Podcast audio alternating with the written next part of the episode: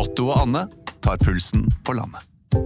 Ja, det gjør vi. Jeg heter Otto Jespersen, og hva var det du het igjen? Jeg heter Anne Grosvold, og hver uke har vi med oss en interessant gjest. Det har vi. Otto og Anne tar pulsen på landet, hører du der du hører podkast. Ready? You have the cameras rolling?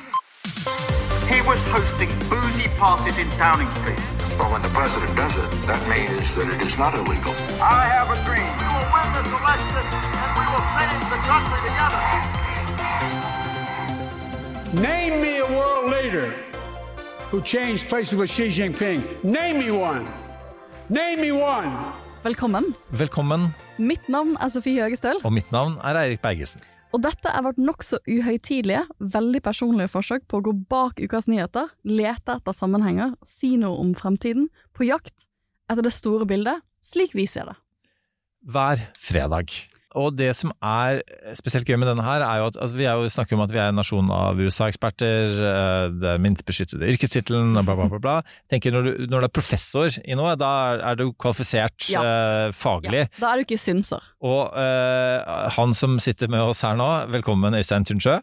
Der går det. Du er eh, professor eh, og, i internasjonal politikk ved Forsvars eh, høgskole, Institutt for forsvarsstudier, men din ekspertise er både USA og Kina.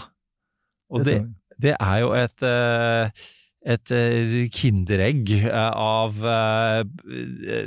ja, passende bakgrunn for vår pod, fordi vi har jo snakket en del om disse tingene her uten å kunne så mye om Kina, vært åpne på det. Ja. Eh, og så skjer det jo ting, hvis du også legger til Russland midt oppi det hele, så er, er jo Så skjer det veldig mye eh, nå om dagen eh, på dette området. Og hvis, i og med at denne podden heter Det store bildet, så skal vi prøve også å se, se litt fremover, eh, rett og slett. Um, hva, hva er, er det store bildet når det gjelder eh, USA og Kina? Og jeg skjønner jo at du rett og slett så å si er på mellomlanding i Norge, mellom eh, Du, du er på et forskningsopphold i USA nå.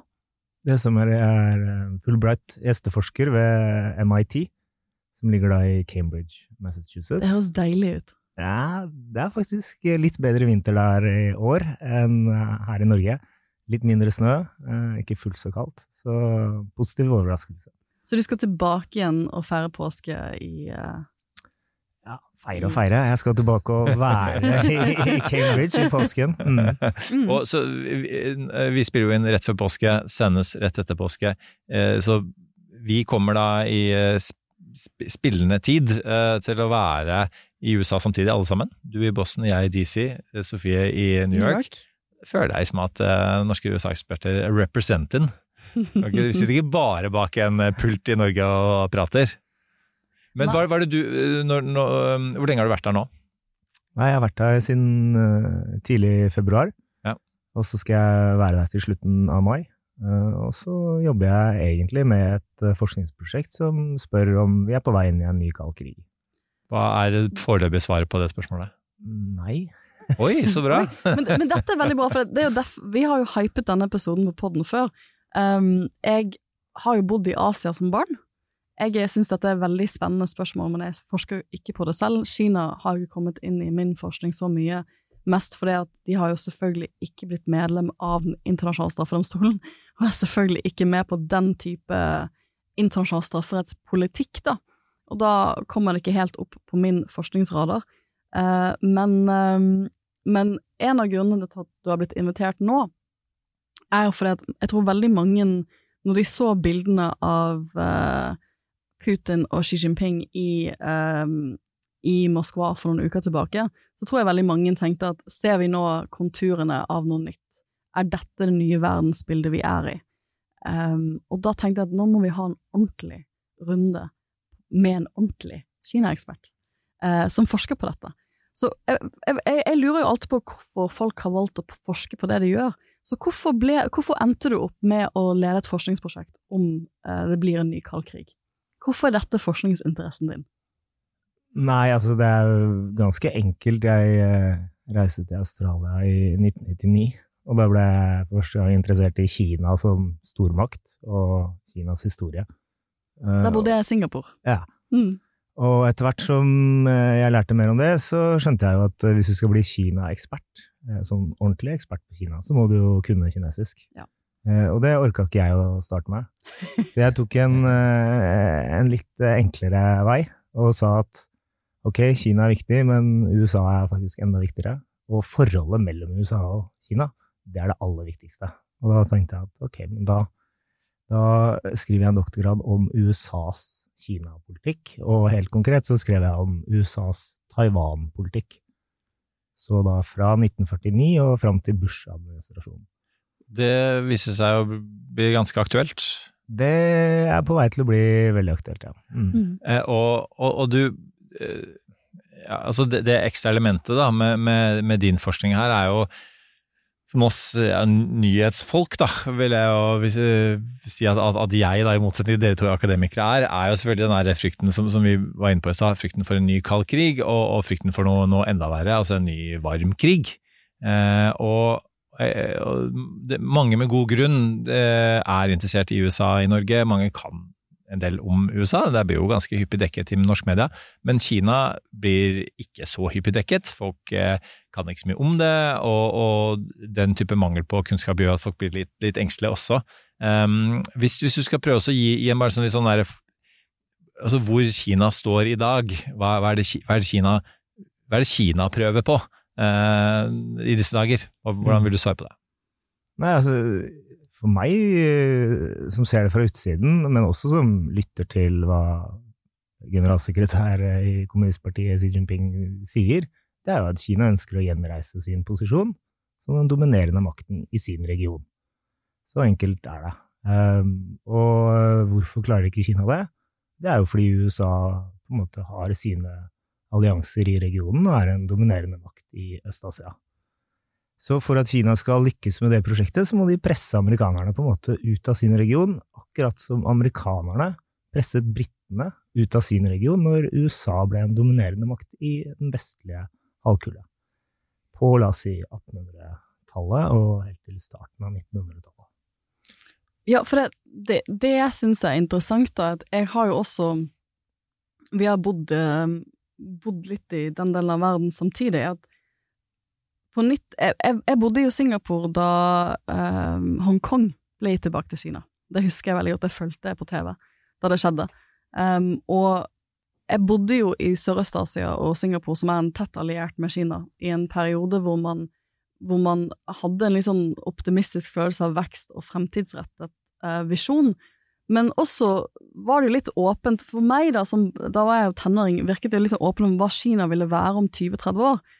Og da fikk jeg liksom følelsen av at mange tenkte at om 20-30 år så har Kina blitt kanskje mer demokratisk, eh, og mer liksom, den utviklingen, den eh, interne utviklingen, når så mange blir løftet opp av fattigdom, når eh, utdanningsnivået brer seg ut, osv., så, videre, så vil også Kina bli kanskje et mindre diktatorstyrt land, eller mindre sentralstyrt land. Men det er ikke den eh, situasjonen vi befinner oss i i dag, eh, når vi spoler frem i tid til hvor vi er nå. Jeg studerte jo også internasjonal politikk, det er bachelorgraden min. Og liksom innen jeg begynner å studere den i London i 2005, så var jo mye av diskusjonen mellom mine professorer i globale studier bare sånn hvor fort kommer Kina som en, en mulig supermakt som kan utfordre USA, og hva vil mulige begrensninger være? Og hva er det som har Du har jo fulgt denne utviklingen mye tettere enn meg. Er det noe som har overrasket deg, hvis du tar det 20-årsperspektivet, av hvor Kina var for 20-30 år siden, og hvor, hvor, Kina er nå internasjonalt? Ja, jeg kan svare på det på to måter. Det første gjelder det alle, ikke alle, fordi jeg trodde ikke på det, og, og noen andre realister trodde heller ikke på det, at Kina skulle bli demokratiske. Men det var mange som trodde på det på mm. 1990- og 2000-tallet. Eh, under Clinton-perioden, og også når Kina ble medlem av WTO på tidlig på 2000-tallet, så, så, levde man i den troen på dette ansvarlig aktør-begrepet til uh, altså responsible stakeholder. Um, jeg trodde ikke noe på det, og det, det, dreier seg ikke noe om jeg tror Kina noen gang kan bli demokratisk. Det er ikke noe jeg er ekspert på. Jeg tror ikke det vil skje uansett. Men, men det dreier seg om at et mektigere Kina eh, vil være på kollisjonskurs med USA, fordi USA vil være nummer én.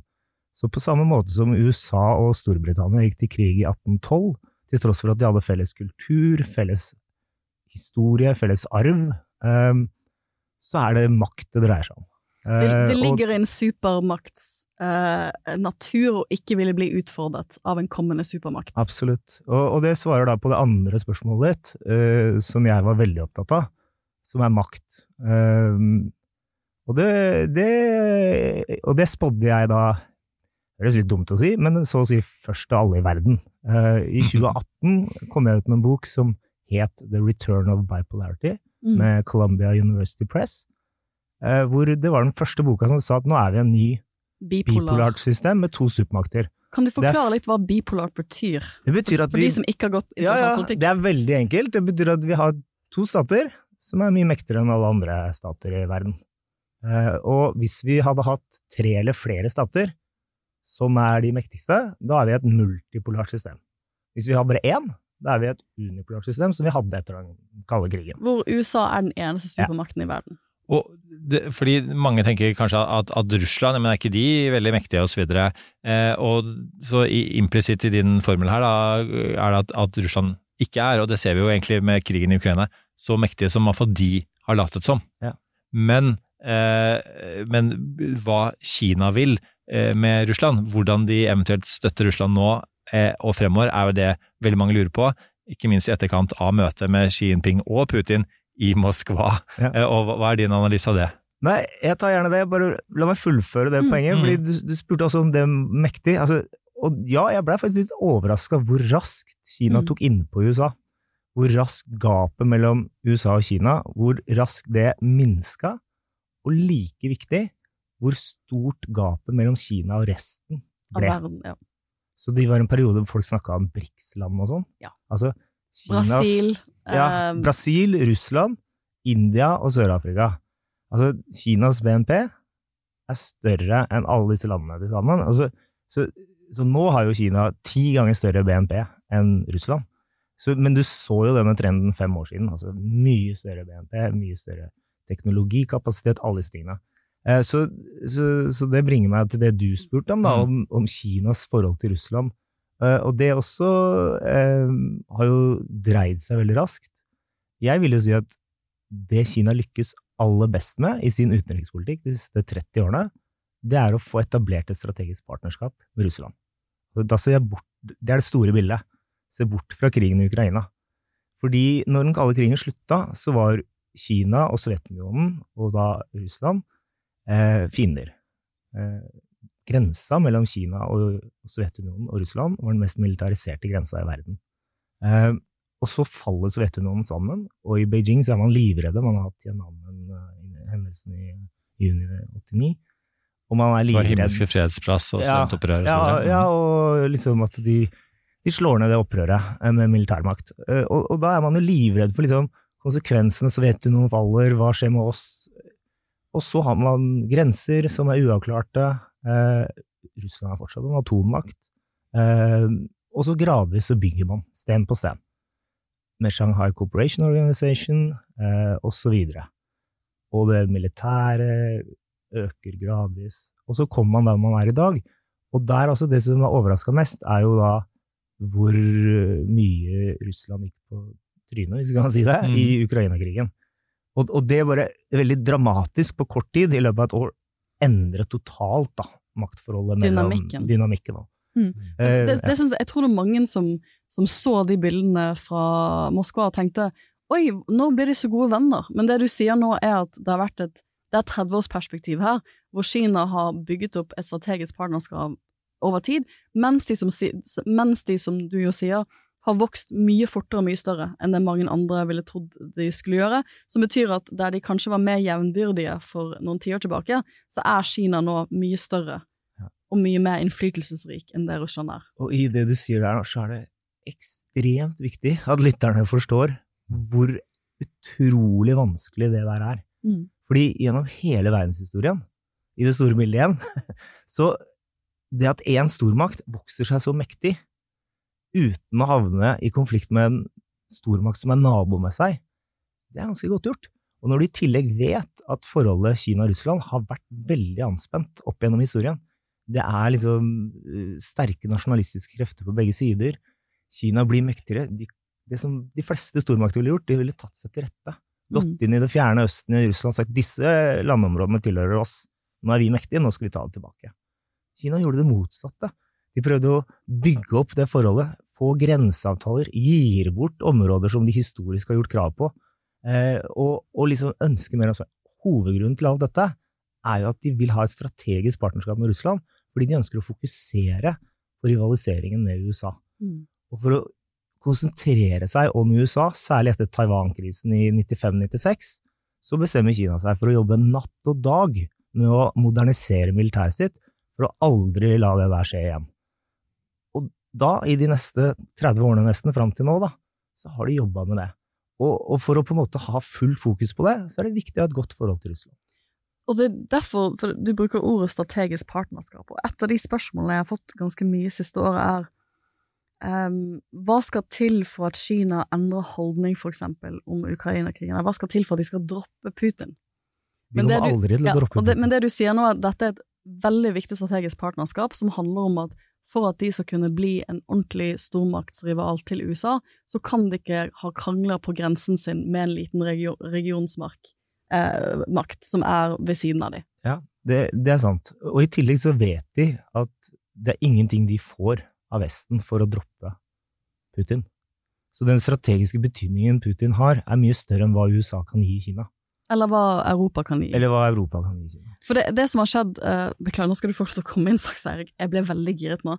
Jeg syns dette er veldig spennende. For det, det som skjedde denne uken, som jeg har notert meg litt, det er at von der Leyen Nå spiller vi jo inn, som sagt, uken for påske. Uh, hun skal jo til Beijing.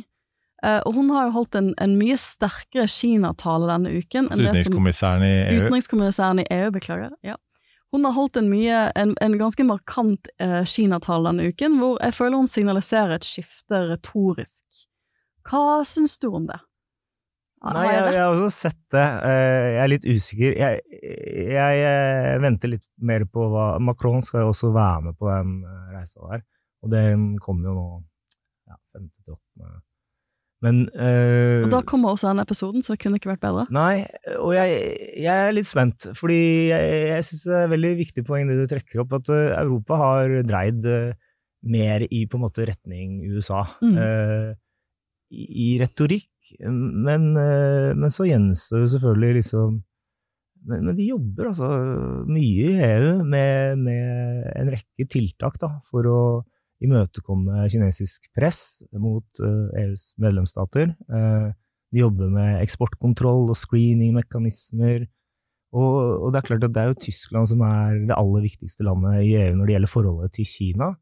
Eh, så- og de jobber jo med en Kina-strategi. Eh, så her er det liksom Det er en bevegelse, definitivt. Og jeg tror det viktigste med det er det derre at særlig Tyskland, men også andre europeiske land, lærte av Ukraina-krigen. Det der at vi gjorde oss avhengig av Russland. Skal vi gjøre samme feil nå med Kina, at vi gjør oss avhengig av kineserne, eller skal vi prøve å diversifisere og gjøre oss mindre avhengig av Kina? Og det, jeg har mange spørsmål fortsatt. Det Dette er kjempespennende, Øystein. Eh, Men akkurat det der med avhengigheten, ikke sant. Altså man eh, Ja, eh, Russland så var det en avhengighet når det gjelder eh, olje, gass, energi. Eh, Med Kina er det med teknologi, chips osv. Men eh, det vi vel også har lært, er at eh, bare, det, bare den energiavhengigheten til Russland er så vanskelig å, eh, å si, kvitte seg med, eh, at vi skjønner at, at det blir enda vanskeligere når det gjelder um, avhengigheten av Kina. Og, og, og hva tenker du Altså, hva, hva, hva tenker du er utfallet av det? Altså, er det, er, er det en slags sånn avglobalisering på gang, og hvordan kommer det til å utarte seg? Altså, det- Dette er jo et veldig viktig og stort spørsmål, det er mange ting å ta opp, men to ting da. Det første, det siste du spør om. Eh, Ja, det er en viss sånn form for, jeg vil kalle det reglobalisering. Eh, Globalisering stopper ikke, men, men man prøver, altså amerikanerne kaller det for nearshoring, friendshoring, altså man skal trekke på en måte verdikjeder og produksjons... eh, Jeg har hørt ordet uh, regionalisert globalisering. Ja, At du blir tettere inn i dine allianser, da. Ja. Det Rema 1000 kaller for bestevennstrategien. for eksempel. Det, Det gikk veldig dårlig med de, da, for øvrig. Det er sånn Trump kommer med når han kommer inn i Det hvite hus, så er det best friend strategy. Ja. Uh, nei da, men, men, men så, det, så det er det ene elementet. Men, men altså, i fjor, og derfor syns jeg det er litt sånn absurd å snakke om eksempel økonomisk krigføring. Fordi i fjor så hadde jo liksom USA og Kina den høyeste Handelsutvekslingen. handelsutvekslingen noen gang. Så, så det, det, det går litt sånn eh, Det går i én retning, ja, men samtidig så er det veldig sterk gjensidig avhengighet der fortsatt.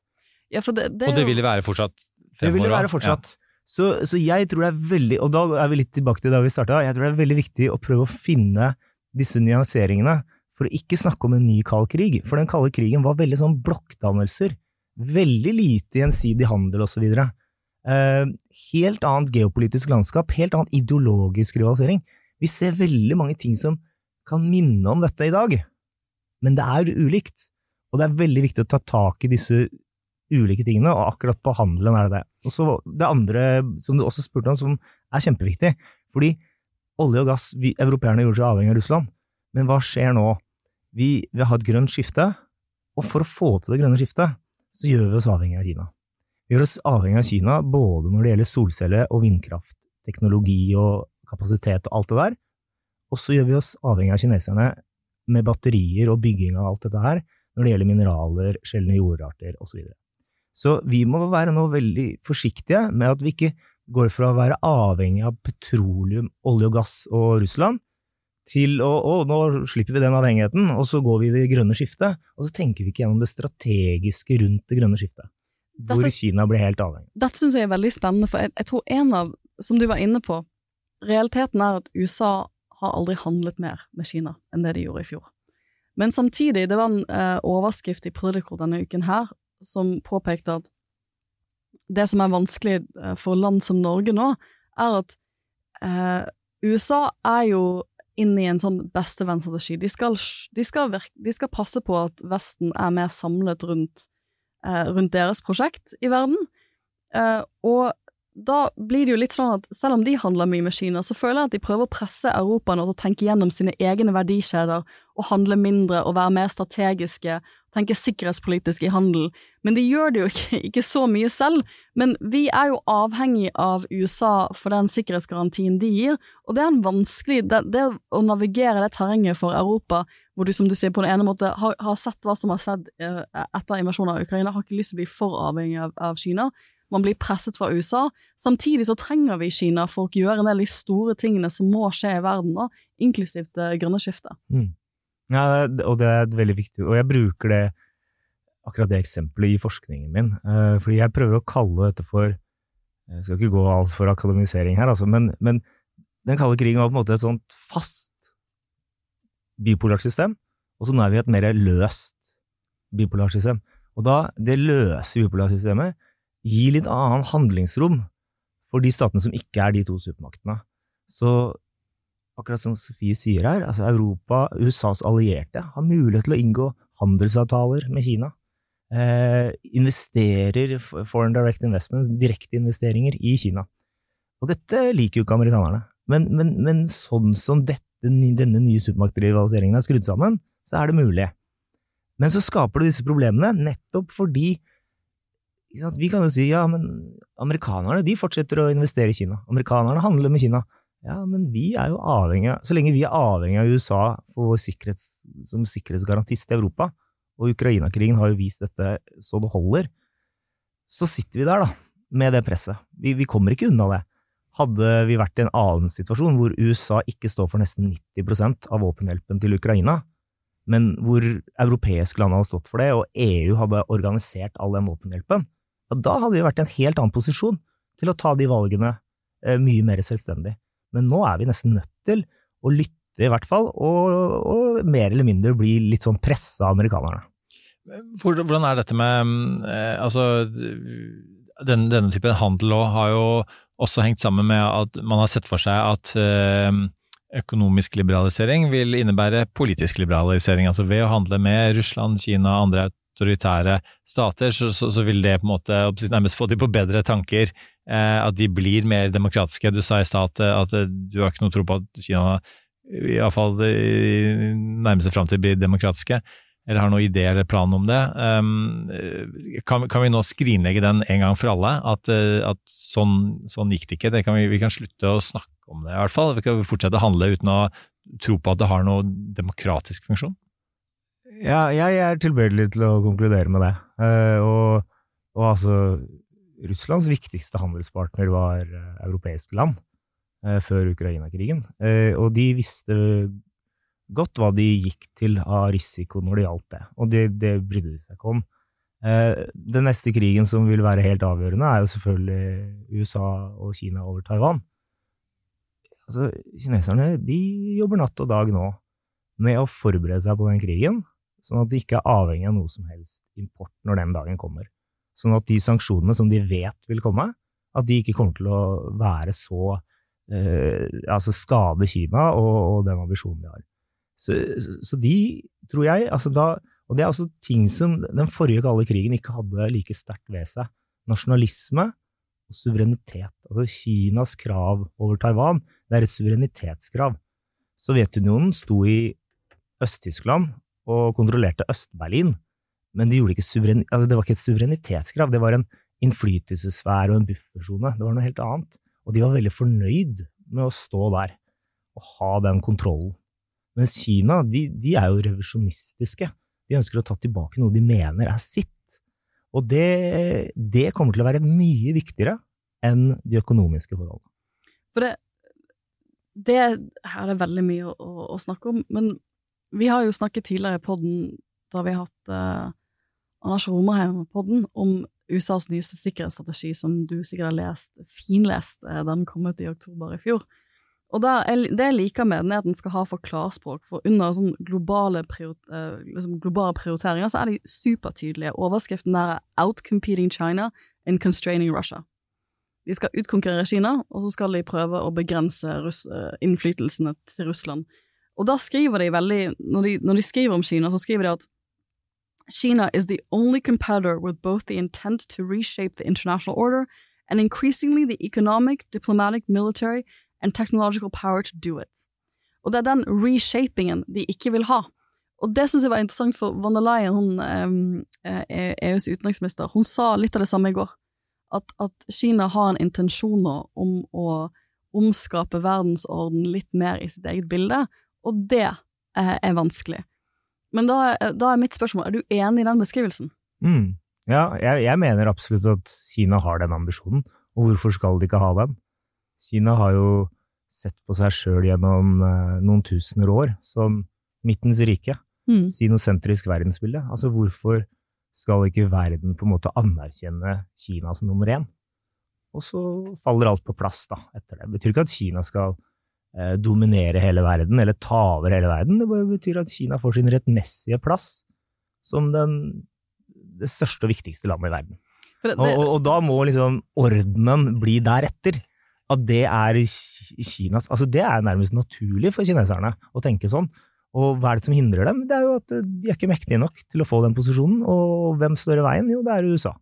Og at de skal liksom jobbe for å reshape det, det tenker jeg er helt naturlig, og det gjelder jo egentlig all stormaktsrivalisering og supermaktsrivalisering opp gjennom historien. Jeg syns det perspektivet du har nå er veldig spennende, for det, det, er nok, eh, når jeg tenker tilbake til vennene mine i Singapore, eh, for det, nok noe de også ville sagt, at en av de store trendene som skjer i verden nå, er jo at maktpunktet og den økonomiske maktpunktet i verden flyttes fra Vesten til Asia. Mens vi i Vesten snakker om at det flytter fra oss til Asia, så tror jeg ganske mange av mine asiatiske kolleger vil si at det flytter tilbake til oss. Vi var midtpunktet. Dere har lånt den makten en liten periode, men vi, vi kommer til å være tilbake der vi hører hjemme, og det er å være et naturlig maktmidtpunkt i verden, og det må dere bare leve med. Mm. Nei, og det, og det som sagt, det, det, er jeg helt enig i, og det, tenker jeg er naturlig, men jeg tenker også det er ikke noe krise for Europa. Og, og jeg skrev en artikkel for ti år siden som, som sa at Europa er periferien, eh, og det, kan vi leve godt med, men da må vi våkne opp nå, det var i 2013, da må vi våkne opp nå, og så må vi, må vi ta tak i utfordringene i vår region. Mm. Europeiske land må gjøre det i 2013, Det var før Krim, og det var før eh, invasjonen av Ukraina. Hadde man tatt det på alvor for ti år siden, så hadde Europa kanskje vært bedre rusta i dag til å håndtere de utfordringene de står i. Så, så, så det er ikke sånn USA ble nummer én ved å være i periferien. Holde seg unna første verdenskrig, holde seg unna andre verdenskrig. Altså, de ble trukket inn til slutt, men det var veldig gunstig for dem at liksom, det raste krig på det europeiske konventet og krig i Asia og sånn.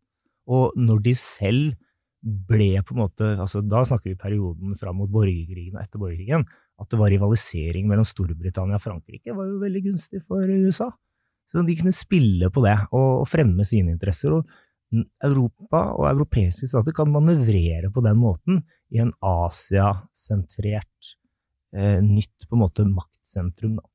En av grunnene til at uh, disse brikklandene og at ikke det har blitt en sånn uh, det konseptet har blitt en realitet uh, på samme måte, hvor jo Kina, som du sier, skiller seg spesielt ut, men liksom, Brasil, India, Sør-Afrika osv. sliter, er jo blant annet for at de ikke er demokratier. Altså, det, det, tross alt, og det at Europa er så punching above its weight, er jo mye altså demokratiet, da. Um, og, og nå, nå, har jo krigen i Ukraina gjort at man har da omfavner demokratiet enda mye mer. Så har vi snakket masse om i poden om, om hvor mye demokratiet tross alt fortsatt sliter. Færre enn halvparten av landene i verden er demokratier, osv. Um, men um, eh, altså, hva, hva, tenker du sånn som eh, For eh, altså, Putin virker jo ha gjort en del feilsteg, da, i den forstand at han kan ha trodd tilsynelatende at, at han er med å splitte Vesten her, eh, mens Vesten har slått tilbake, omfavna demokrati, omfavna Nato, eh, omfavna for så vidt eh, EU. Det er en ny EU-debatt under oppseiling i, i Norge, i hvert fall følge TV 2, vi hadde episode om det i Norske tilstander. Eh, Høyre, MDG osv. Det er noen endringer her i, i Norge på dette. Um, så, så er spørsmålet okay, hva, hvordan er det de autoritære statene da, slår tilbake? Eh, hvis jeg skal ta på meg en sånn veldig sånn liksom tabloid hatt her, da, midt blant disse akademikerne i studio eh, altså at, at, det Russland har gjort, er jo ikke akkurat um, made uh, dictatorships great again. Altså, det, jeg vil jo tro at, at Xi Jinping sitter og ser på at eh, det er jo ikke sånn du skal forvalte altså, Sånn ville ikke jeg gjort overfor eh, Taiwan, og kanskje dessverre merker seg hva har funket, hva har åpenbart ikke funket, og kan på en måte ta kladden til Putin og forbedre den når han eventuelt en dag rykker inn i, i, i Taiwan. Hva, hva, tenker du rundt det? Altså, jeg, jeg tenker her at uh, kineserne uh, ser at Putin har skutt seg selv i foten, mm. og at de utnytter muligheten. Det gir seg. Og, og det har vi sett nå. Det har de virkelig vist det siste året. Eh, og, og, vi skal ikke skimse av det, eh, fordi det som er en enorm styrke med Kina i forhold til Sovjetunionen, den forrige supermakten, det er at kineserne er pragmatiske. Sovjetunionen var ekstremt ideologiske i innretningen sin, og de skulle på en måte dominere alle disse andre statene ideologisk. Og det skapte splittelse innenfor den kommunistiske bevegelsen, altså Kina-Sovjetunionen-splittelsen, for eksempel, men også med Albania og mange andre steder. Kina i dag, de, de bryr seg ikke. Så når eh, Russland går på trynet, så får de til liksom diplomatiske offensiver. Ja, Ukraina, det er én ting, men det virkelig store er jo den Saudi-Arabia-Iran-avtalen vi fikk på plass. Uh, og det bare Ja, for det syns jeg var veldig spennende. Ja, det bare viser hvilken kapasitet de har. Det er jo noe som USA ville gjort for 10-20 år siden. Nei, eller, USA har ikke klart det, fordi de, de, har Iran som en sånn fiende som de ikke kan forholde sant, seg til. Men, men, tanken om at, liksom, at, at, hvis det er noen som skal forhandle store sånne avtaler i Midtøsten, det at det ikke skal være jeg tror For mange amerikanere så tenker jeg at det selvfølgelig burde være oss som har den internasjonale rollen, men her kommer Kina og får til, som du sier, noe de ikke kunne gjort selv. Ja. Og det er fordi de liksom De bryr seg ikke, og jeg, jeg tror de, de, kan gjøre det i alle regioner, egentlig. Og det går til det du sier, at det det faktisk tror jeg kan styrke den der mer autoritære bevegelsen blant stater. da.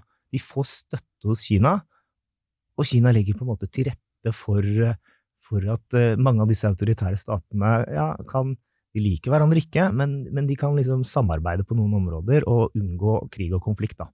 Og, og, og Kina øker sin innflytelse, osv., osv.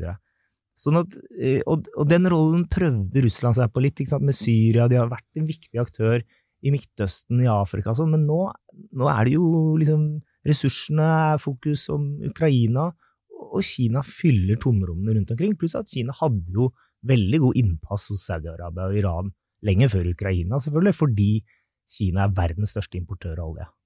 Så, så disse tingene bruker de nå, og det kommer vi til å se masse mer av. Eh, og det, det, det, blir viktig. Eh, en, en, en, veldig morsom ting, bare fordi jeg, jeg glemte å si det i stad, Anders Romarheim er en veldig god kollega av meg. Jeg har jobba med han i 15 år. Eh, og det er jo morsomt at han refererer nå til den nasjonale sikkerhetsstrategien, fordi de tingene som står der, det har jeg som sagt sagt i over fem år. Og han har krangla mot det hele tiden. Fordi han Nei, helt fra pivoten da, med Obama og, sånn i, og Hillary Clinton for over ti år siden, så har jeg liksom USA dreier mot Kina. har så prøvde han hele tiden nei, det transatlantiske er fortsatt viktig og viktig. Er ikke enten eller. USA vil være til stede i begge regioner. Men, men nå står det svart på hvitt mm. i den nasjonale sikkerheten at de skal prioritere Kina og så komma, then the Russia Challenger in Europe. Og det er liksom bare legger det på pulten til Anders, så, så, så er det litt gøy, da. Nå blir felt i PFU, vi får manglende tilsvarsrett til uh, Anders Romarheim. Ja, ja, ja, det er jeg, tror ikke han, tror ikke han uh, legger inn en klage. Nei, det, det, det, tenker jeg også. Kjenner jeg Anders rett. Men, uh, men bare, for å, bare, for å, fullføre det, da. Altså, okay, nå var Xi Jinping hos Putin, og det ene er jo at han, han legger, legger, Kina legger fram en type sånn forslag til fredsforhandlinger. Altså, hva, hva, en, hva, hva, er realiteten i det? Biden ser iallfall ikke ut til å tro på realiteten i det. Eh, og to, hva er det, hva er det han hvisket til Putin bak kulissene? Altså, hva, de, hva ville vært ideelt for Kina da, eh, av, av type, type, løsning her? Er, er, det å fortsette eh, krigen, prøve å, å vinne de landområdene, eller er det på en måte er det å trekke seg helt tilbake? Er det, er det en, en mellomting?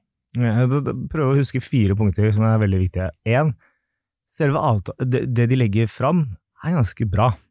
Altså, av de tolv punktene er jo mange av de ting vi kan stille oss bak. Altså eh, Kornforsendinger skal ut, eh, det, det, må bli opphør i krigstilstanden Altså, mange av de her er jo eh, humanitære ting rundt seg og sånn. Men så er det, og det er punkt nummer to, det er noe grunnleggende feil med det òg. Fordi de anerkjenner ikke at det er en krig, de anerkjenner ikke at Russland har invadert Ukraina. De anerkjenner ikke at Russland må gi tilbake okkuperte områder. Altså, alle de tingene som ikke vil være spiselige for Zelenskyj og, og Krim. Zelenskyj har jo invitert eh, Kina på besøk nå. Ja. ja. Og, og, vi trodde jo kanskje han skulle reise når han var i Moskva. Eh, at det skulle, eller i hvert fall ha et videomøte eller et eller annet. Ja, det var jo snakk om at skulle, han skulle ha et videomøte ja, med Zelenskyj mens han var men, i eh, Moskva. Men det tredje punktet er at eh, altså Det vi må forstå, og som jeg har sagt det helt siden krigen brøt ut, og folk begynte å si at Kina sitter med nøkkelen og sånn altså, Kina ikke viktig. Det er ikke Kina som, som løser denne krigen, det er, det er Putin. Og hvis det er noen andre som har mulighet til å påvirke, så er det USA. Fordi hvis USA til slutt sier at uh, nå kommer ikke vi til å støtte med så mye mm. mer våpenhjelp, Zelenskyj, nå er det best for deg å inngå en avtale, så blir det alvor. Og hvis Putin finner ut at nei, det, nå tror jeg vi må Da blir det alvor. Da får vi en eller annen forhandling. Men Kina kan aldri reise, altså Xi Jinping har aldri reist til Moskva og fortelle Putin hva han skal gjøre. Kina har i over 20 år prøvd å fortelle Nord-Korea hva de hva skal, de skal gjøre. gjøre. Mm. Og altså, de har ikke brydd seg. Og Kinas innflytelse og makt over Nord-Korea det er ti ganger større enn den er over Russland. Men allikevel så får de ikke Nord-Korea til å gjøre sånn som de vil. Så det er veldig viktig å huske de tingene her. at Det er ikke sånn at, Putin, nei, at Xi Jinping kan trykke på en knapp og få Putin til å gjøre eh, det han ønsker. Men også er det det siste, fjerde poenget. Det er at det, Kina er jo tjent med å få en sånn meglerrolle, men Kina er også tjent med at den krigen her fortsetter. På hvilken måte da? Eh, det, er, det, er, to ting. Én er at USA må bruke ressurser på den krigen. Det er gunstig for Kina. Når eh, sjefen av Joint Chief of Staff sier at oi, shit, eh, nå har vi virkelig svidd av gårde mye ammunisjon. Dette her veit ikke jeg, fordi dette trenger vi hvis vi skal så en konvensjonell krig med kineserne. Det, det er musikk i ørene til Beijing. Eh, så, så, det, så, det, er jo liksom en, en, en, fin greie. Og det andre er jo men det tror jeg nå er i ferd med å viskes ut. Men det andre er jo selvfølgelig at et svekket Russland er gunstig for Kina. De, de, de, de kan utnytte det på mange måter. men det må ikke bikke over. Russland må ikke bli for Svake. svake. Så da er du tilbake til den, altså Man hadde et strategisk partnerskap med en stormakt. Kina mener jeg er en supermakt, Russland er en stormakt. Så Det er forskjell på dem. Det var før Ukraina-krigen, men nå er man i ferd med å ende opp med strategisk partnerskap med en Mellomstor pariah state. Ja. Altså litt sånn Nord-Korea, Myanmar, Zimbabwe Altså, Russland er ikke det, men, men hvis du skjønner altså det, det kan ikke gå for langt, eller det kan i hvert fall ikke gå så langt at, eh, Russland, eller at Putins makt glipper, og man får kaos i Russland. Og at det imploderer Ja. internt. For det, det tenker jeg, det er jo den type kaos Kina ikke vil ha, all den tid de har brukt så lang Absolutt. tid på dette partnerskapet. Og hvis, hvis det skulle begynne å bryte opp i Russland, så er det jo et spørsmål om Russland vil, vil, vil bli en eller flere stater. Om det da blir en stor oppbrytning av det territorielt. Mm. Og det er klart, hvis du er Kina og har lyst til å ha ro og orden i systemet, så er ikke du tjent på det, med det. Nei, altså, du er tjent med det, da, men da går vi tilbake til det jeg sa tidligere. Du er tjent med det hvis du bare kan gå og ta tilbake Ja. de territoriene du mener tilhører Kina. Men jeg tror ikke kineserne er villige til det. Og så er det Russland har i overskuelig framtid alltid atomvåpen, som gjør at det er blitt liksom, Det tror jeg ikke skjer, da. Det er ikke noe vits i å risikere. Men, men hva med Taiwan? Tror du at um, For mange fryktet jo da Kamala Harris tok turen ned til Taiwan Nei, da Nancy Pelosi, beklager, tok turen ned til Taiwan, um, at da var det jo mye snakk om at Kina kommer til å bruke den mulighetsrommet de har nå, hvor eh, eh, USA må bruke så mye tid, penger og ammunisjon på Ukraina, til å ta seg til rette eh, og kanskje gå inn i Taiwan. Ja. Hva tenker du om det vi har sett siste året?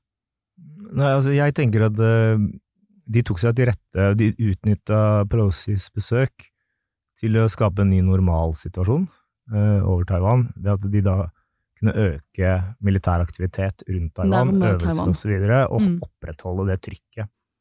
Men så slår det litt tilbake, for nå støtter jo amerikanerne Taiwan enda sterkere, eh, og det, dette kommer bare til å ja, dra seg til. Men, men så det viktigste du spør om, er når, når det blir krig, og, og, og jeg tror ikke kineserne er klare ennå. Jeg tror de ser av Ukraina-krigen at det er ting de må forbedre. Det kan være logistikk, det kan være kommunikasjonssystemer, det kan være luftvern eh, Altså mange ting som russerne ikke har fått til. Felles operasjoner, hva det måtte være. Eh, I tillegg så skal de ikke krige mot Ukraina, de skal krige mot USA. Kanskje også Japan. Eh, og det er en formidabel motstand. Og det er en mye mer avansert militær operasjon å krysse Taiwanstredet enn å gå over landegrensa til Ukraina. Så alle disse tingene her eh, er ukomfortable å tenke på for eh, PLA. Og, og, og derfor så trenger de mer tid, men samtidig, i 2024, så må vi lage en ny podkast, fordi da er det presidentvalg i USA, og det er presidentvalg på. Taiwan, på Taiwan. Og da er det mange som frykter at det kan skje liksom ting som bare eskalerer, og som man kan få en krig allerede i 2024. Og det, det skal vi ikke se bort ifra, men jeg tror som sagt at Xi Jinping må enten vente til mot slutten av sin det er ikke presidentperiode, men når han skal gjenvelges i det kommunistiske partiet i 2027, altså nesten fem år, eh, høsten 2027, da skal han enten ta fem nye år eller gå av. Eh, det kan være en mulighet. Og om fem år, da begynner nok den liksom, militære Kapasiteten. kapasiteten til å være veldig skremmende for amerikanerne, tror jeg. Eh, Nå, skal jeg innse at jeg er i ferd med å stille enda en gang en sånn eh, dobbeltspørsmål. Kiwi er billigst i VGs matbørs og har vært billigst i fire av de fem siste VGs matbørser. Og nå presser vi prisen på påskevarer fram til 1. april. På 522 gram Toro pannekakemiks presser vi prisen fra 42,90 helt ned til 34,90. På 410 gram Lerum bringebærsyltetøy presser vi prisen fra 32,90 helt ned til 22,90. For det er vi som er prispresserne. Og vi i Kiwi gir oss aldri på pris. Men du, du er så flink til å svare, Øystein. Du, du er sånn derre Nå skal jeg si fire ting, og så sier du fire ting, og så, så legger du på Når jeg kommer med et innskudd, så er, nå er det to ting, så kommer det faktisk to ting, og du husker Du klarer å holde dette eh, styr eh, på dette i hodet. Sånn er det med professorer, vil jeg tro. Eh, Men ok, dobbeltspørsmål. Um, eh, ja, det er valg i USA neste år. Vi ser at Biden på mange måter Noen, noen eh, tenkte kanskje at han ikke kom til å gjøre det, men opprettholder på en måte Trumps trykk da, eh, på, på Kina. Eh, så spørsmålet er vil, vil det altså Uavhengig av, av hvem som blir valgt som president i USA, det kan være kontroversielt om det blir en DeSantis også, vil amerikansk Kina-politikk være ganske lik? Og, og hvordan, da, hvis da Kina går inn i Taiwan Nå, nå eh, kjemper jo USA mot eh, Russland gjennom Ukraina, eh, og de er på en måte ikke involvert direkte. Vil de da involvere seg direkte i en Taiwan-krig, eller vil de på en måte kjempe gjennom eh, Taiwan? Så eh, de er nødt til å kjempe gjennom Taiwan, så jeg tar det, først, det, det Mm. siste først. Eh, De er nødt til å kjempe gjennom Taiwan. Det som er viktig i en krig over Taiwan, det er liksom opptrappingen. Um, Så man, liksom, jeg tror ikke du bare blåses ut i tredje verdenskrig. Det, så det er ulike steg. Først er det øh, hvor mye støtte da trenger Taiwan? Og all krigsspill og sånne ting tilsier at de trenger enorm støtte, og den må komme raskt. Eh, og så er spørsmålet da, hva gjør kineserne for å hindre den støtten og, å komme frem til Taiwan? Hvis det innebærer eh, noe mer enn bare å senke skip, eksempel å engasjere amerikanske baser i regionen, da eskalerer vi med en gang. Hvis det er sånn at kineserne kommer så langt at de klarer å, å holde amerikanerne på avstand, skipene på avstand, vanskelig å støtte Taiwan, så kanskje er det amerikanerne som eskalerer. Da må amerikanerne si ok, men da må vi ta ut mål på det kinesiske fastlandet. Fordi disse korte og mellomdistansemissilene de er så giftige og farlige for oss at vi kan ikke støtte Taiwan uten å engasjere de målene. Og så vil jo da kineserne gjengjelde det med å slå ut amerikanske baser i regionen. Ja, det er to måter det eskalerer på. Og så er jo spørsmålet igjen da, etter man har begynt å slå ut hverandres baser på amerikansk territorium, Guam, eller på kinesiske fastlandet, får vi noe mer? Og jeg tror ikke vi gjør det. Jeg, og det, det er en, ingen kan vite, og det er en supergambit. Men, men jeg tror at da kan man ha en konvensjonell regional krig, hovedsakelig konsentrert om det maritime, ingen land som invaderes, eh, og at man kan ha, la oss si, et sjøslag og avgjøre det. Og at den som taper, eskalerer ikke til en atomkrig. Eh, I Europa under den kalde krigen, og dette er jo fundamentalt forskjellig, da, så var ikke Euro eh, USA var ikke i stand til å forsvare Europa med konvensjonell militærmakt.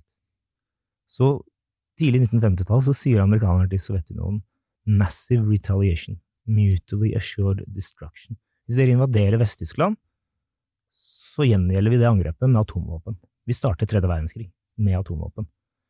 Og det kunne være en bløff, men lederne i Sovjetunionen trodde ikke nok ikke at det var en bløff, fordi de så at konvensjonelt på bakken i Europa så var vi overlegne. Så det var den eneste måten amerikanerne kunne respondere. Men med Kina og Taiwan så kan amerikanerne respondere konvensjonelt. Man trenger ikke å bruke atomvåpen, og derfor har heller ikke Biden, når han sa fire ganger i 2022 at USA skal forsvare Taiwan, så sa han jo at vi skal forsvare dem med atomvåpen. Har, amerikanerne har ikke en sånn strategi. Og det er jo det mest fundamentale forskjellen mellom den nye supermaktrealiseringen og den forrige, fordi dette berører det aller viktigste. Blir det krig i denne nye supermaktrealiseringen eller ikke? Blir det altså en kald krig, eller blir det ikke en kald krig? Så, så det, det er kjempe, kjempeviktig å forstå. Så det første du spurte, det var om presidenten betyr noe. Og, og det, der vil jo jeg som en sånn strukturell realist, altså jeg kaller min teori for geostrukturell realisme, men, men eh, jeg vil jo si at det betyr lite. Ja. Men, men Trump er jo en litt sånn spesiell person, fordi han har vært tidligere president, ble så polariserende innenrikspolitisk i USA. Og så tror jeg, det, har vi ikke, det kunne vi jo diskutert, og det er ikke jeg ekspert på, men, og jeg kan ikke Trump, men han slår meg ikke som en som vektlegger verdier. Og heller ikke noe sånn stor strateg. Sånn militærstrategisk. men, men, men disse tingene er viktige, fordi, eh, fordi jeg tror Trump bløffer. Sånn at, eh, og jeg tror kineserne kan våge seg til å tenke han- De vil tenke sånn Jo, men Trump han er sånn business Han, han er opptatt av økonomi, og han, han vil ikke liksom ødelegge alt for denne krigen, for Taiwan. Han driter i Taiwan, han. Så, så han bare bløffer. Men, Jeg tror andre amerikanske presidenter vil si Taiwan er et blomstrende demokrati. USA Vi forsvarer demokratier over hele verden. Vi skal forsvare Taiwan, og vi mener det. Det er vår troverdighet som står på spill. Jeg synes de vil legge det fram på en annen måte enn Trump. Eh, og, og, derfor, og det andre er det der at Trump vil skape så mye intern splittelse i USA at eh, kineserne kan utnytte det òg, da. At, at det er ikke samlende, på en måte. Så, så, så, så sånn sett så fra det struktur, det store bildet jeg presenterer, så er jeg litt for mye opptatt av personen Trump i dette bildet. Fordi jeg ville sagt at enhver amerikansk president vil agere ut ifra amerikanske storstrategiske interesser. Uavhengig av hvem som blir president. Men Trump kan kanskje tweete litt på det der. Jeg tenkte bare følge opp det med å si at um, sant, Trump for en sånn herre ja, som tidligere diplomat, da, ta på meg den hatten nå, så, så er selvfølgelig, og ikke minst norsk eh, diplomati, vi ønsker jo oss eh, mest mulig forutsigbarhet i verden, ikke sant, og, og Trump representerer jo nettopp det uforutsigbare, eh, og en som ikke alltid følger eh, reglene, tradisjonelle reglene for internasjonal eh, politikk, og, det gjør han med, viten og vilje fordi han er businessmann, fordi hans metode er uforutsigbarhet. Man skal ikke vite helt om han bløffer eller ikke. Um, eh, men, spørsmålet er altså det, med altså den biten hvor, Trump, da, i motsetning til egentlig alle andre amerikanske presidenter tidligere, eh, har på en måte uh, i tillegg til å på en måte avvise uh, tradisjonelle allianser osv., uh, folkerett og det hele tatt, så har han omfavnet autoritære ledere og deres lederstil. Altså, den, den biten der, hvordan, hvordan oppfatter Kina det? jeg, jeg, tror det kan være en, en faktor, men, men, da vil jeg heller trekke fram Trumps egen person. Han er opptatt av å være nummer én. Så jeg tror han vil se på en sånn konflikt som en maktkamp mellom Trump og Xi Jinping om å være nummer én. Og nå har Xi Jinping utfordra meg, og for nå går vi til krig, liksom. Og jeg har den amerikanske hæren og marinen bak meg.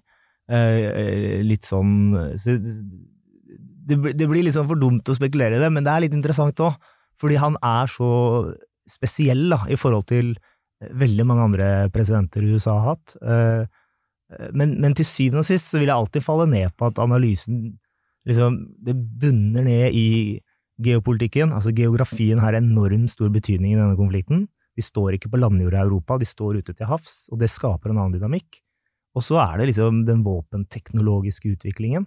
Altså presisjon, eh, asymmetri, eh, autonome systemer, kunstig intelligens, alt det der, hvordan det kommer til å spille inn. Og så er det selve maktbalansen i seg sjøl. Altså, kvantitet gjelder fortsatt. Det er ikke bare kvalitet og teknologi. Og det, det kommer til å få store På, på hvilken måte da? At, at, mange skip får en stor betydning når mm. du skal seile over et strede og invadere en øy. Eh, altså, bare å ha masse av skip kommer til å bli betydningsfullt. Nå vil jeg bare bryte inn her, for nå må vi begynne å gå inn for landing. Vi kunne snakket i flere timer om dette, det er så spennende å høre på deg. For mitt oppfølgingsspørsmål, og det er et spørsmål jeg får når jeg, møter folk og skal snakke om det, det store bildet, er um, Jeg tror veldig mange blir veldig redd av tanken uh, på en, en, militær konflikt med Kina.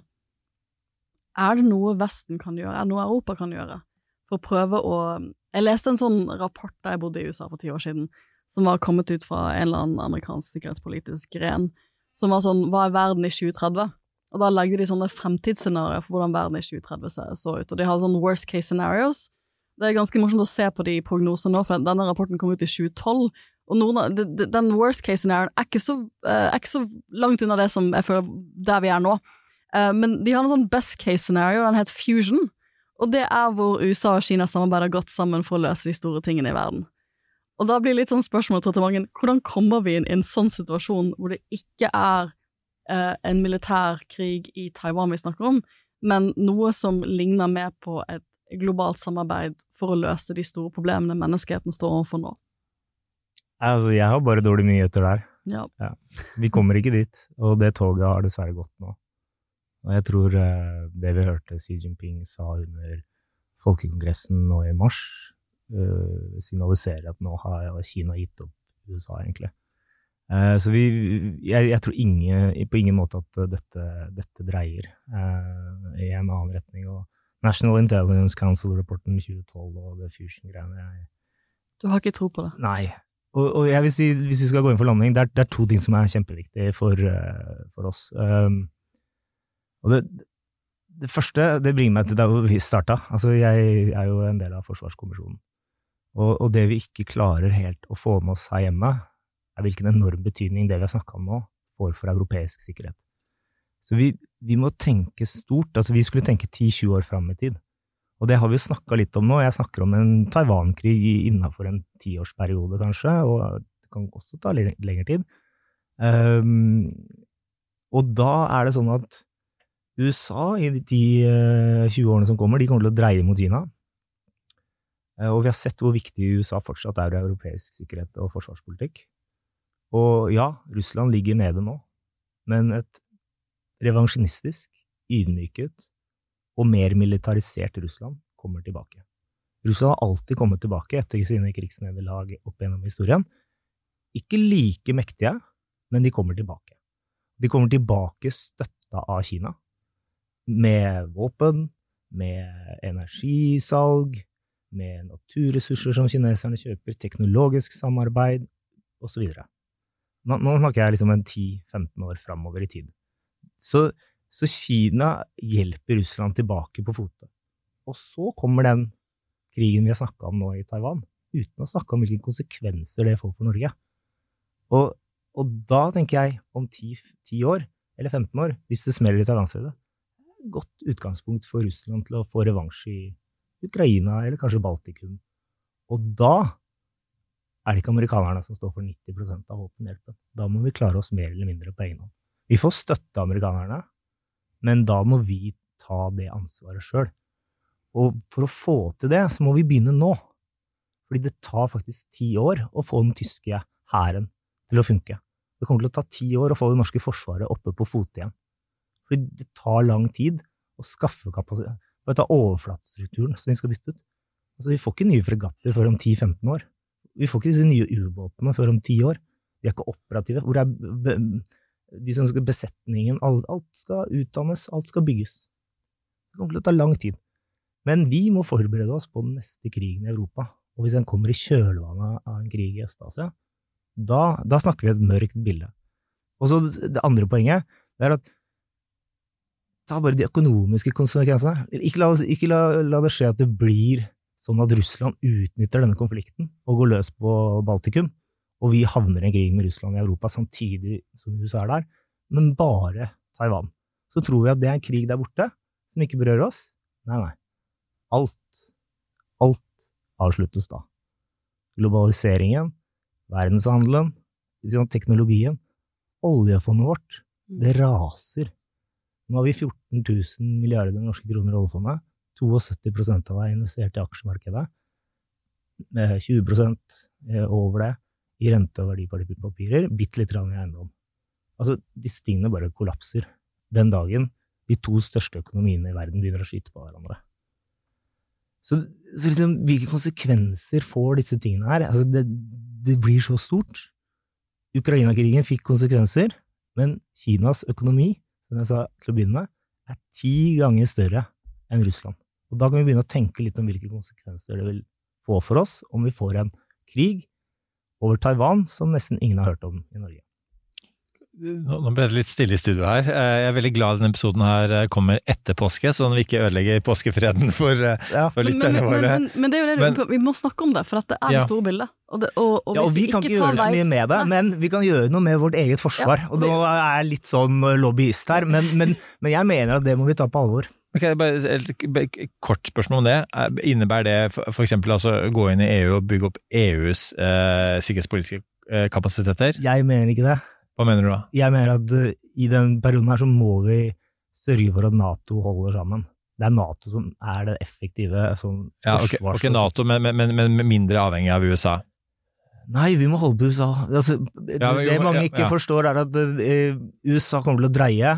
De nedprioriterer oss men det betyr ikke at USA blir mindre viktig. Altså, vi må jobbe enda mer for å holde på Amerikansk eh, interesse. Ja, holde, fordi ja. vi trenger amerikansk støtte, mm. men vi kommer ikke til å få så mye som det vi har planlagt for til nå. Ja. Så vi må fylle noen gap eh, som amerikanerne etterlater seg. Men de, de, de etterlater seg ikke et tomrom hvor de ikke er til stede i det hele tatt. Mm. Så, så, de, så vi må jobbe enda mer for å i hvert fall ha noe amerikansk støtte. Og vi må bidra mer til Nato, Ja. vi og andre Også- europeiske det er akkurat det, vi må bidra det inn i Nato, fordi Nato fungerer som en militærallianse. Mm. Men det betyr ikke at vi skal gi opp EU. Vi, vi må samarbeide med EU på alt dette andre. Sammensatte trusler, eh, energisikkerhet, flyktninger, terror, klima, liksom Mm. hele pakka der. Og hand, Akkurat- handelskrig også, for så vidt. Handelskrig, eksportkontroll, screening, alle disse tingene. Men akkurat på liksom, når Nato sier vi skal bygge en 300 000 hurtig reaksjonsstyrke, da kan ikke Macron komme og si at nei, det skal være en EU her, eller noe sånt noe. Fordi det, det går ikke å bygge to parallelle eh, strukturer. Men, nå, nå er ikke jeg militærstrateg, men, men det, det scenarioet du beskriver her, som jo er ekstremt dystert, hvor, hvor verdensøkonomien kollapser i tillegg, i enda større grad enn det allerede gjør nå om dagen eh, det kan da ikke eh, Altså, Kina, kan det være at Kina ser for seg at ja, men det går utover oss også, det blir en for mye uforutsigbarhet i verden. Den type sånn kald krig vi nå har overfor Thailand, den type kontroll vi tross alt utøver allikevel, det er nok for oss. Vi trenger ikke de landområdene. De trenger Taiwan. De kommer til å gå til krig for Taiwan hvis de ikke får det, kontroll med Taiwan på en annen måte. Så jeg beklager, men altså, jeg de, Og de alle kinesere jeg har møtt eh, de siste 20 årene, de viser dette argumentet, og det er ingen som sier noe annet. Eh, de viser det ved å stramme beltet sitt. Og de sier at dette har så stor betydning for oss, vi skal ta den kostnaden. Og vi, vi har stått gjennom hungersnød og kriser opp gjennom historien, og det skal vi tåle. Og det går tilbake til dette med nasjonalisme, suverenitet.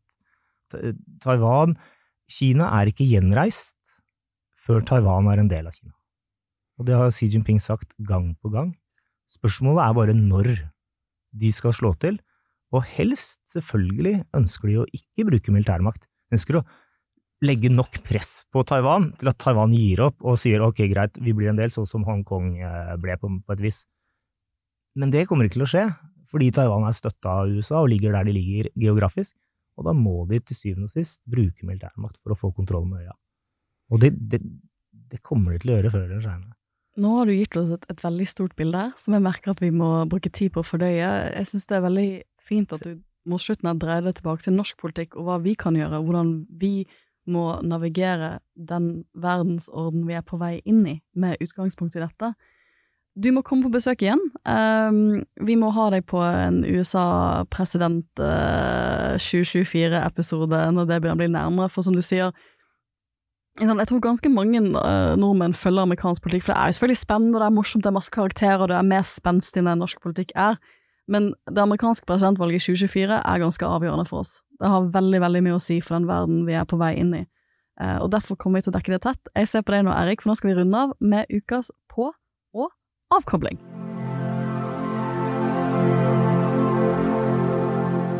Og da er jeg jo selvfølgelig veldig spent på om du har noen gode anbefalinger for de av oss som har lyst til å lese oss litt mer opp og bli litt mer informert om uh, hvordan Kina, hva som er viktig nå.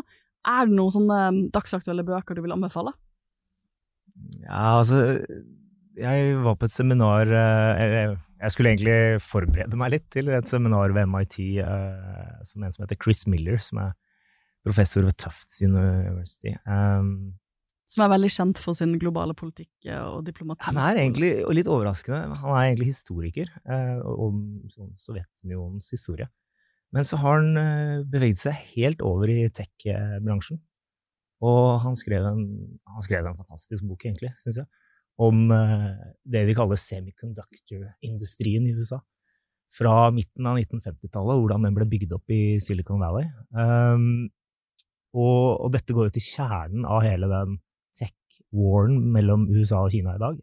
Fordi det aller viktigste i den teknologikrigen og Krig og krig, altså konkurranse eh, det, det dreier seg om disse bitte, bitte små eh, ja, halvledere, databrikkene. Um, og som akademiker så er man litt sånn Blir litt sånn fort misunnelig, da, når andre akademikere liksom skriver sånne bestselgerbøker. Sånne populærvitenskapelige Ja. bøker som bare Altså, jeg sto der liksom i bokhandleren på MIT, og så bare dette her, da? 300 kroner. Ja, nei, jeg kjøpte den, men det han skal ha for, er at han har skrevet ikke bare en superbra bok om den industrien og den teknologiske utviklingen, og jeg lærte masse av det, eh, men han hadde skrevet en bok som var veldig lettlest. Altså, den er, den er delt inn i ca. 60 kapitler. En veldig interessant måte å strukturere en bok på 350 sider på. Fordi du tenker å, det er en liten, ikke sånn kjempemurstein, men den er kanskje litt sånn tung å tenke mange å lese. Men den var sannelig ganske sånn enkel og lettlest, og du får liksom sånn lyst til å lese et kapittel til, fordi du, du veldig raskt pløyer gjennom et kapittel. da. Så det er jo sånn til folk som skriver bøker, at det kan Korte Jeg fikk et tips, nå er jeg kanskje ferdig med å skrive bøker, men eh, kanskje aldri mer Jeg, komme med jeg en bok. tror det høres ikke ut, basert på denne episoden, her, Nei, som du er ferdig nei med å skrive jeg, tror, jeg tror det er mange bøker som kan skrives her uh, for, for den anbefales da, den Chip- heter Chip War. Chip Mm. War. Chris Miller. Chris Miller. Eirik, har du Um, noen anbefalinger du ønsker ja, altså, å berike oss med? Um, en, en bok som hvis vi går litt tilbake i tid, amerikansk eh, politikk eh, altså, Vi har jo snakka mye om, eh, om, om Trump, og, at, Trump nå blir tiltalt osv., så, videre, så får vi se hvordan det ender. Men en, en person som da risikerte det samme, var jo Richard Nixon, og det han da gjorde da han avsluttet eh, sin, eh, sin periode eh, som president, var jo blant annet den Kina-tilnærmingen. Den historiske Kina-tilnærmingen. Um, og, og, og, og, som jo var ja, han, Jeg vil jo si at, at han har grunn til å være Det var en av de fremste ja, merittene hans, da. Det, men det er ikke han, det er hans utenriksminister Henry Kissinger on China. Ganske feit bok. Den er, vil jeg si er eh, ganske grunnleggende hvis man skal forstå amerikansk eh, forhold til Kina. Det er vel mye, mye av det, det som ligger der fortsatt, vel. Nå ser jeg på deg, Øystein. Nei, altså, Eh, Jeg vet at vi har liten tid nå, men Mm. neste gang jeg kommer tilbake, så skal jeg fortelle en historie om disse to gutta. Eh, jeg forteller nå. Nixon, og- skal jeg fortelle Ja, nå? ja, ja, ja, ja. Ja, fordi altså, On China er jo grei, og Nixon er, det er Kissinger er jo fantastisk. Han har skrevet masse bra bøker. Men, men han er litt sånn uredelig uh, på en del ting, selvfølgelig. Mm. Uh, og jeg hadde jo gleden av å gå gjennom alt arkivmaterialet knytta til altså Nixons og Kissingers åpning til Kina Ja. fra 1971 Wow, og, og, og, ut 72-73. Og, og det er klart at disse presenterer jo denne åpningen som realpolitikere. ikke sant? De reiste til Kina, spilte Kina-kortet mot Sovjetunionen, fikk Kina på sin side, og, og på den måten svekka Sovjetunionen. Og herregud, hvor gode strateger vi var. Men altså, på det notatet som Kissinger skrev for Nixon i dagene før han skulle reise til Beijing i 1972, så i margen på det notatet så skrev Nixon med håndskrift We cannot sell Taiwan down the river.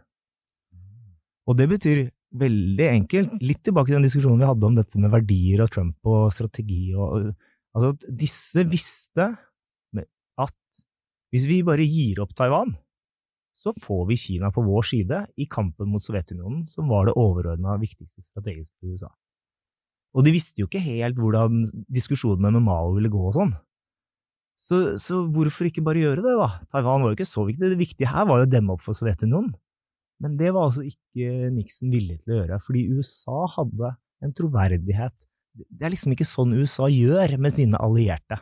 Og, og det er jo litt interessant at man, at man holder disse to tingene opp mot hverandre. Da. Altså jeg brukte dette veldig mye i min doktorhandling, bare for å øh, prøve å vise at sånne ting som identitet og konstruktivisme og sånn kan ha noe betydning. Da. Men det aller meste av arkivmaterialet støtter jo selvfølgelig Kissinger og Nixons eh, realpolitiske eh, fortelling. Men det er ting der som, som går litt sånn på akkordene. og- så det Jeg er elsker at du har eh, vært i eh, arkivmaterialet. Jeg er vel lykkelig å få, å få høre sånne, sånne fortellinger om første, altså for ordentlig primær og ordentlig kildemateriale fra noen som faktisk har lest det. Jeg eh, tenkte jo at dere to ville anbefale ordentlige bøker, så jeg tenkte å anbefale Jeg føler at jeg, jeg leser, folkens. Jeg, føler at jeg, le- jeg leser også bøker, men mye av det jeg anbefaler på podden, er jo eh, film eller TV-serier. Jeg vil anbefale monsterhiten Everything Everywhere All At Once som er en, eh, den filmen som har vunnet mest Oscar, så å si, ever. Eh, det store Oscar-vinneren for i år. Det er en eh, film om et eh, eh, kinesisk ektepar som har innvandret til USA. Eh, og det er en sånn surrealistisk film hvor de, hvor de kriger og slåss på tvers av universer. Um, men den uh, hovedstjernen i filmen er Michelle Yeoh, som er en av mine favorittskuespillere. Jeg så henne for første gang i, jeg tror, i uh, Crouching Tiger, Hidden Dragon fra 2000, som jeg også varmt vil anbefale. Men jeg syns den, den, den, filmen fra i, i, fjor, da, Everything Everywhere All At Once, er interessant, for den, den viser jo hvor mye sånn Vi snakker jo mye ofte om hvor mye kulturell kapital USA har kjøpt seg gjennom Hollywood og gjennom den type kulturell imperialisme. Men det er jo, det er jo veldig da, spennende å se en sånn spillefilm som er eh, amerikansk-kinesisk i, i, design, eh, og i fremgangsmåte eh, har en så bred appell som den har. Um, det sier jo litt om, om de kulturelle båndene mellom disse to supermaktene i verden, men også det at uh, jeg, jeg, var i um, Jeg har vært i Kina én gang. Jeg var i Beijing i 2000, 2001. Uh, og det er sånn jeg er veldig spent på om vi vil se mer sånn kulturell eksport fra Kina av deres ekstremt rike kulturliv. Men Everything Everywhere All At Once uh, kan varmt anbefales. Støtter deg i det, Sofie. Og jeg, jeg, lurer på om jeg uttalte sånn forrige episode, altså nå er vi litt tilbake igjen, tror jeg, nå måtte vi spille inn den på forhånd, men det med, med altså, romaner eh, Jeg prøver alltid å slå et slag for romaner, Jeg prøver alltid å foreslå et eller annet som kan leses ved siden av sakprosaen. Eh, og det er jo en eh, kinesisk nobelpris-litteraturvinner fra 2012 som heter Mo Yan, eh, mm. som eh, har skrevet en bok som heter eh, Red Sorghum. Eh, som jo handler litt om kulturrevolusjon videre, som er en veldig god roman, eh, som også er verdt å lese ved siden av. Altså hvis man skal forstå kinesere, i den grad det er mulig bare ved en roman eller to eller flere, eh, så, så gjør gjerne det parallelt. Da, er det ett sted å begynne. Så er det veldig mye annet på romanfronten også fra Kina. Neste uke, folkens, så er vi tilbake med en ordentlig uh, live on tape-episode fra den uken, for da er vi begge tilbake igjen, håper vi da, fra USA i, i godt behold og klar for ny podding. Tusen takk eh, til deg, Øystein, for du var med, og tusen takk Jeg ble takk, eh, klokere og litt skremt. Mm. tusen takk for at jeg fikk komme. det var kjempehyggelig. Og, og, og ha en god helg til våre lyttere. That's enough. Put down the mic. Kiwi er billigst i VGs matbørs og har vært billigst i fire av de fem siste VGs matbørser. Og nå presser vi prisene på frukt og grønnsaker. På 200 gram broccolini setter vi prisen til 24,90. På 400 gram Cevita blåbær setter vi prisen til 49,90. Og husk, alle Kiwi Pluss-kunder får i tillegg 15% trumfbonus på all fersk frukt og grønt. For det er vi som er prispresserne. Og vi i Kiwi gir oss aldri på pris.